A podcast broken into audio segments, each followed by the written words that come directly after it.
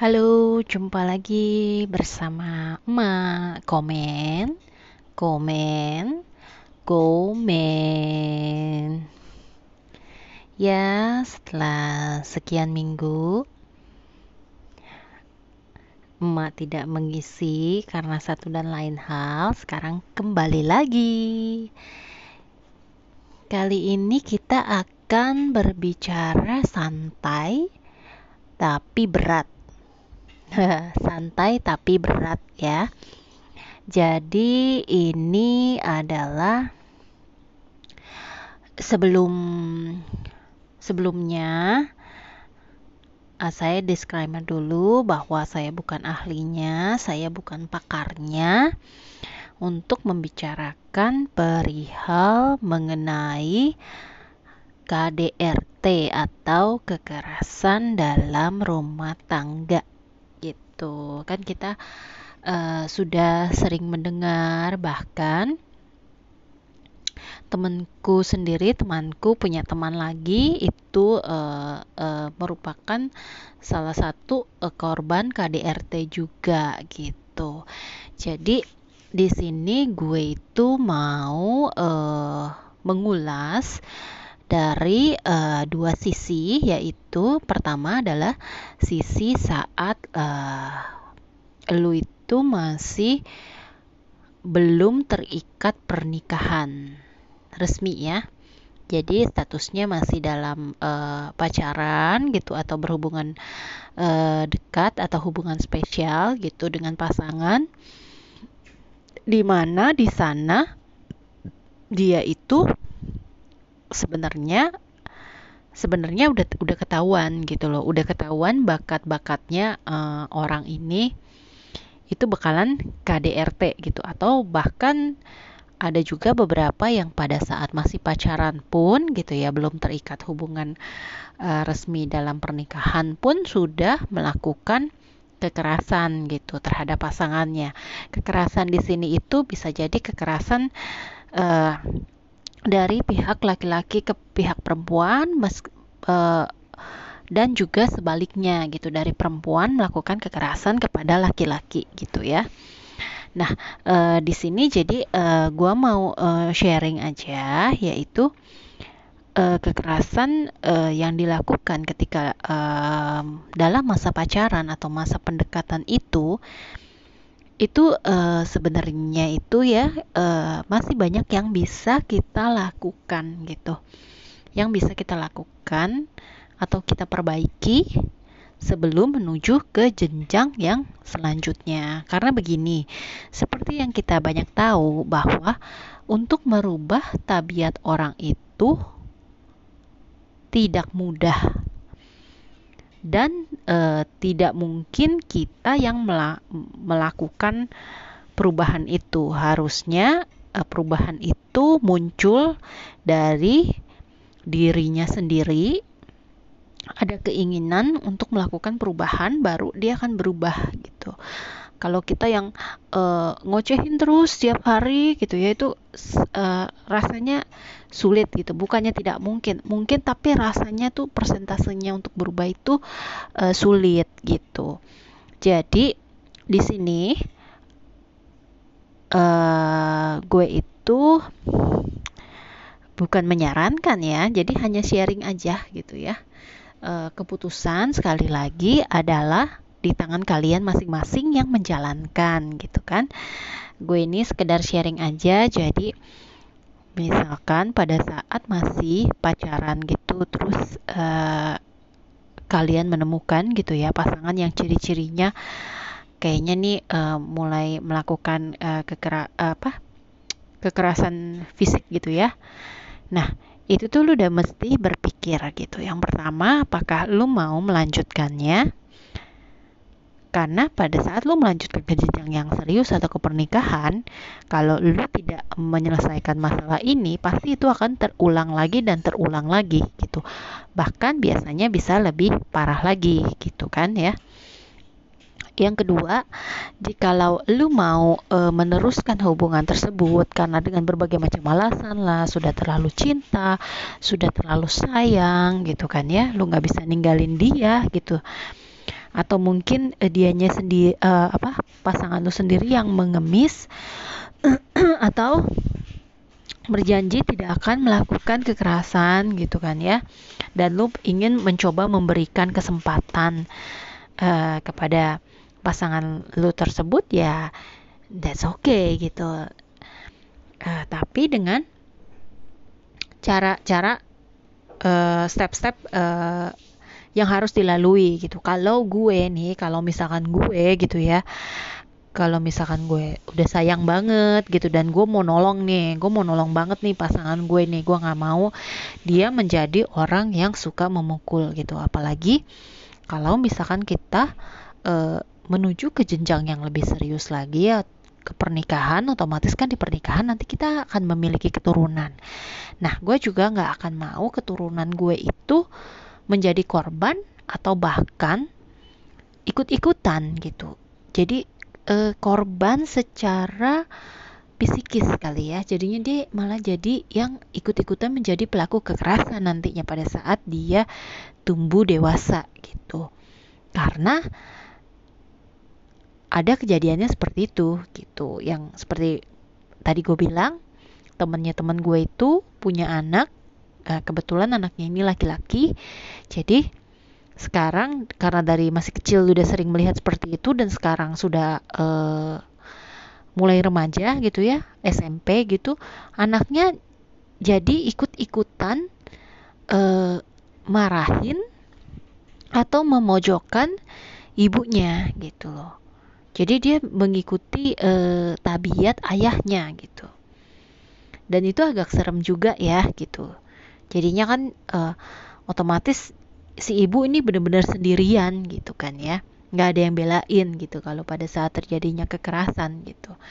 Nah itu jadi uh, kalau menurut gue seba ada sebaik ada baiknya karena uh, manusia itu saat dilahirkan itu nggak mungkin dia langsung uh, ada kepikiran oh gue mau mukulin orang gitu. Nggak mungkin kan kayak anak kecil aja gitu kalau misalkan dia ngeliat gitu ya.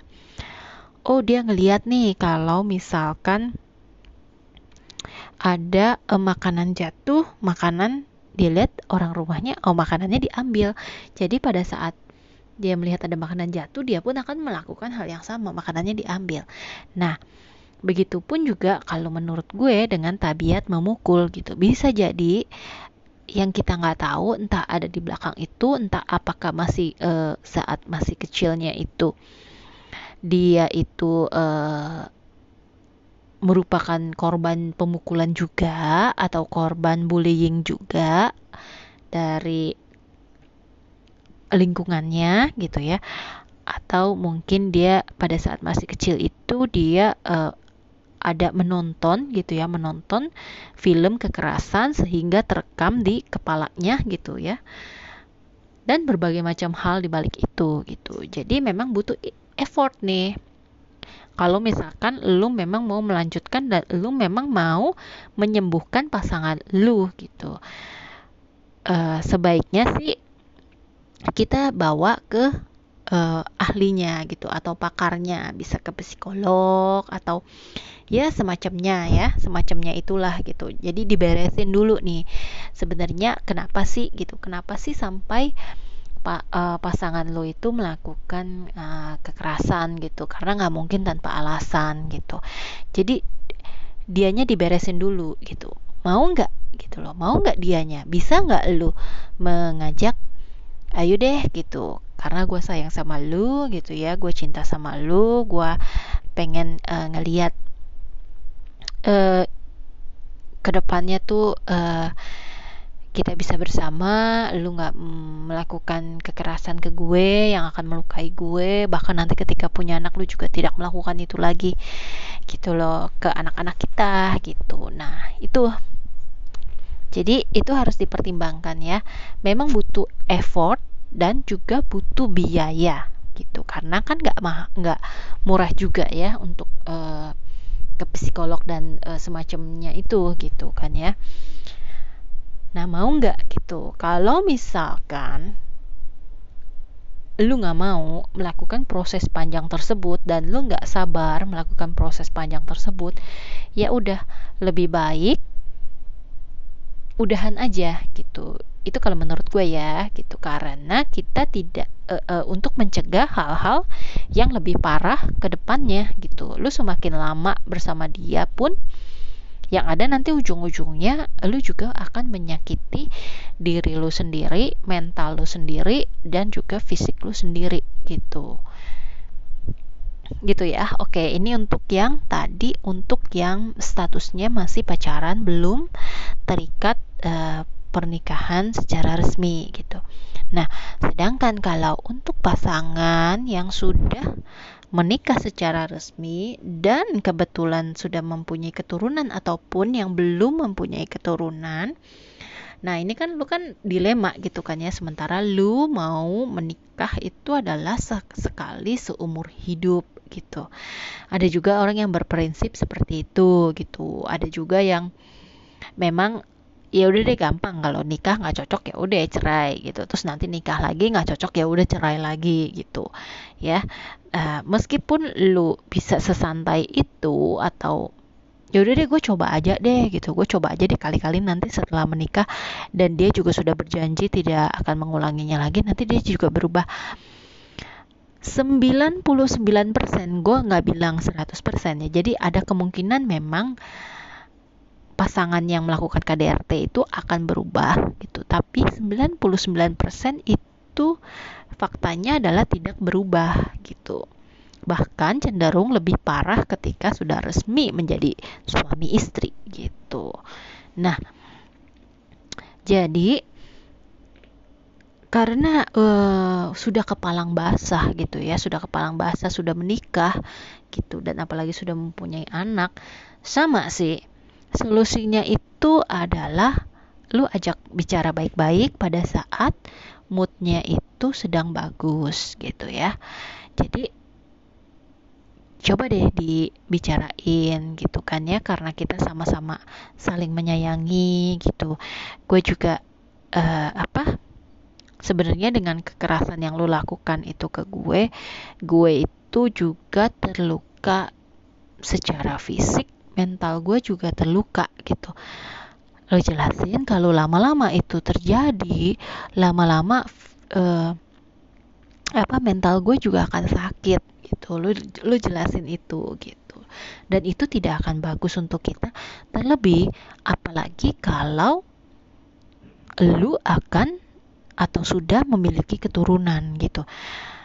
Concern di situ gitu. Biasanya sih orang sih akan sayang sama anak ya lebih sayang besar ke anak gitu.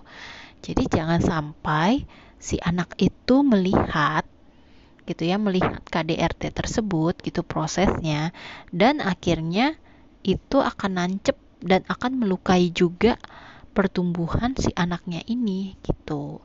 Jadi lu jelasin memang sih nggak gampang, nggak gampang sekali gitu, apalagi kalau posisinya itu sudah secara untuk uh, ajak ngomong one by one aja udah tidak bisa santai lagi itu sih agak sulit ya. Gitu kayak temen gue aja gitu ya. Uh, temennya teman gue itu yang gue ceritain itu dia juga sama suaminya itu uh, jarang banget gitu jarang banget uh, ngobrol jarang banget bicara gitu jadi memang udah masing-masing tapi nanti kalau lagi uh, suaminya itu temperamennya lagi tinggi atau lagi kumat dia bisa melakukan KDRT gitu loh. Ya kan jadinya kan itu kan serem ya gitu. Jadinya apakah kita mau gitu hidup gak penuh dengan ketakutan gitu? Apa setiap hari takut setiap hari mikir gitu kan aduh hari ini gue digebukin gak ya? Aduh hari ini dia ngapain lagi ya? Atau hari ini moodnya dia lagi bagus nggak ya? Gitu kan itu kan rasanya hidup penuh dengan ketakutan dan itu setiap hari setiap jam gitu. Dan lu tinggal bersatu rumah dengan orang tersebut gitu. Yang anytime lu nggak tahu moodnya lagi gimana nanti dia bisa melakukan kekerasan gitu. Dan itu menurut gue itu sangat-sangat uh, tidak sehat itu dan yang harus uh, dan itu harus dibenahi agar uh, dua-duanya ini bisa tumbuh menjadi balik lagi menjadi ke manusia yang sehat secara mental gitu. Kalau tidak disembuhkan ya otomatis uh, yang pasangan yang normalnya ini ya dia akan terluka secara mental gitu seperti yang apa yang tem cerita temennya teman gue ini akhirnya mereka kan berpisah gitu kan berpisah alias be bercerai gitu ya. Dan memang secara apa secara awal-awal uh, perpisahan itu pun uh, dia itu terlihat memang tertekan gitu. Dan itu memang pasti butuh waktu. Karena dia sudah terlalu lama ibaratnya bertahun-tahun itu hidup penuh dengan ketakutan gitu. Jadi uh, uh, gue nggak tahu nih yang uh, ngedenger ini gitu ya apakah dia juga korban korban KDRT atau um, yang melakukan KDRT gitu. Jadi bagi yang melakukan KDRT, gue tahu gitu ya, lu itu sebenarnya nggak berniat seperti itu. Lu itu nggak mau menyakiti orang yang lu sayangi dan lu cintain gitu. Nah, supaya itu gue tahu banget gitu ya maksudnya. Itu tuh semua terjadi begitu cepat gitu. Jadi kadang-kadang pada saat lo emosi langsung des gitu kan ya. Terjadi begitu aja gitu. Karena lo udah terbiasa gitu. Plak dikit-dikit mukul tak gitu jadi kalau lo mau uh, melakukan yang terbaik gitu untuk pasangan lo dan untuk keluarga lo nantinya ke depannya, coba deh lo pikirin uh, gimana yang enak untuk diri lu ngatur emosi lu gitu. Untuk membereskan bebenah di dalam diri lu sendiri dulu gitu.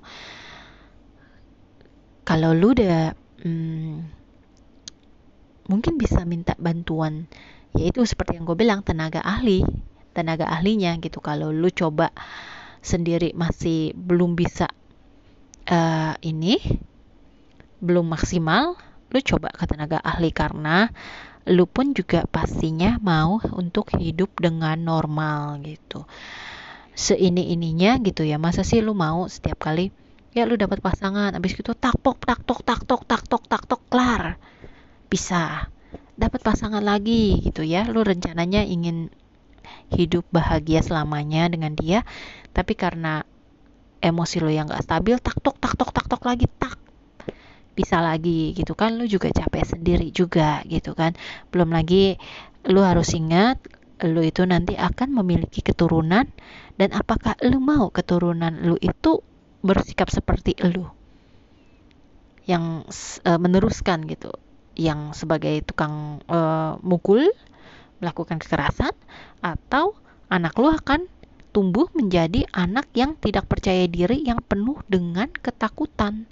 Karena dia selalu merasa tertekan gitu ngelihat kedua orang tuanya ini berantem dan ujung-ujungnya ada kekerasan gitu ya kekerasan secara fisik gitu ya. Itu tuh anak pasti otomatis dia akan menyerap gitu dan dia akan jadinya takut. Entah nanti ke ke depannya dia akan takut untuk berumah tangga atau yang lain lagi gitu. Kita tidak akan tahu berkembangnya itu ke mana emosinya tersebut emosinya si anak tersebut. Gitu. Jadi sekali lagi uh, gue informasiin bahwa ini sekedar sharing. Gue bukan tenaga ahli dalam bidangnya gue bukan pakarnya gitu ya. Jadi coba dipikirin lagi uh, apa yang terbaik gitu ya buat diri sendiri dan untuk pasangan dan juga untuk anak-anak yang sedang uh, mengalami masalah ini mungkin bisa minta bantuan gitu ya gimana cara solusi untuk menyelesaikannya gitu supaya masing-masing bisa hidup dengan bahagia. Oke, sekian dulu. Sampai jumpa di episode berikutnya. Bye.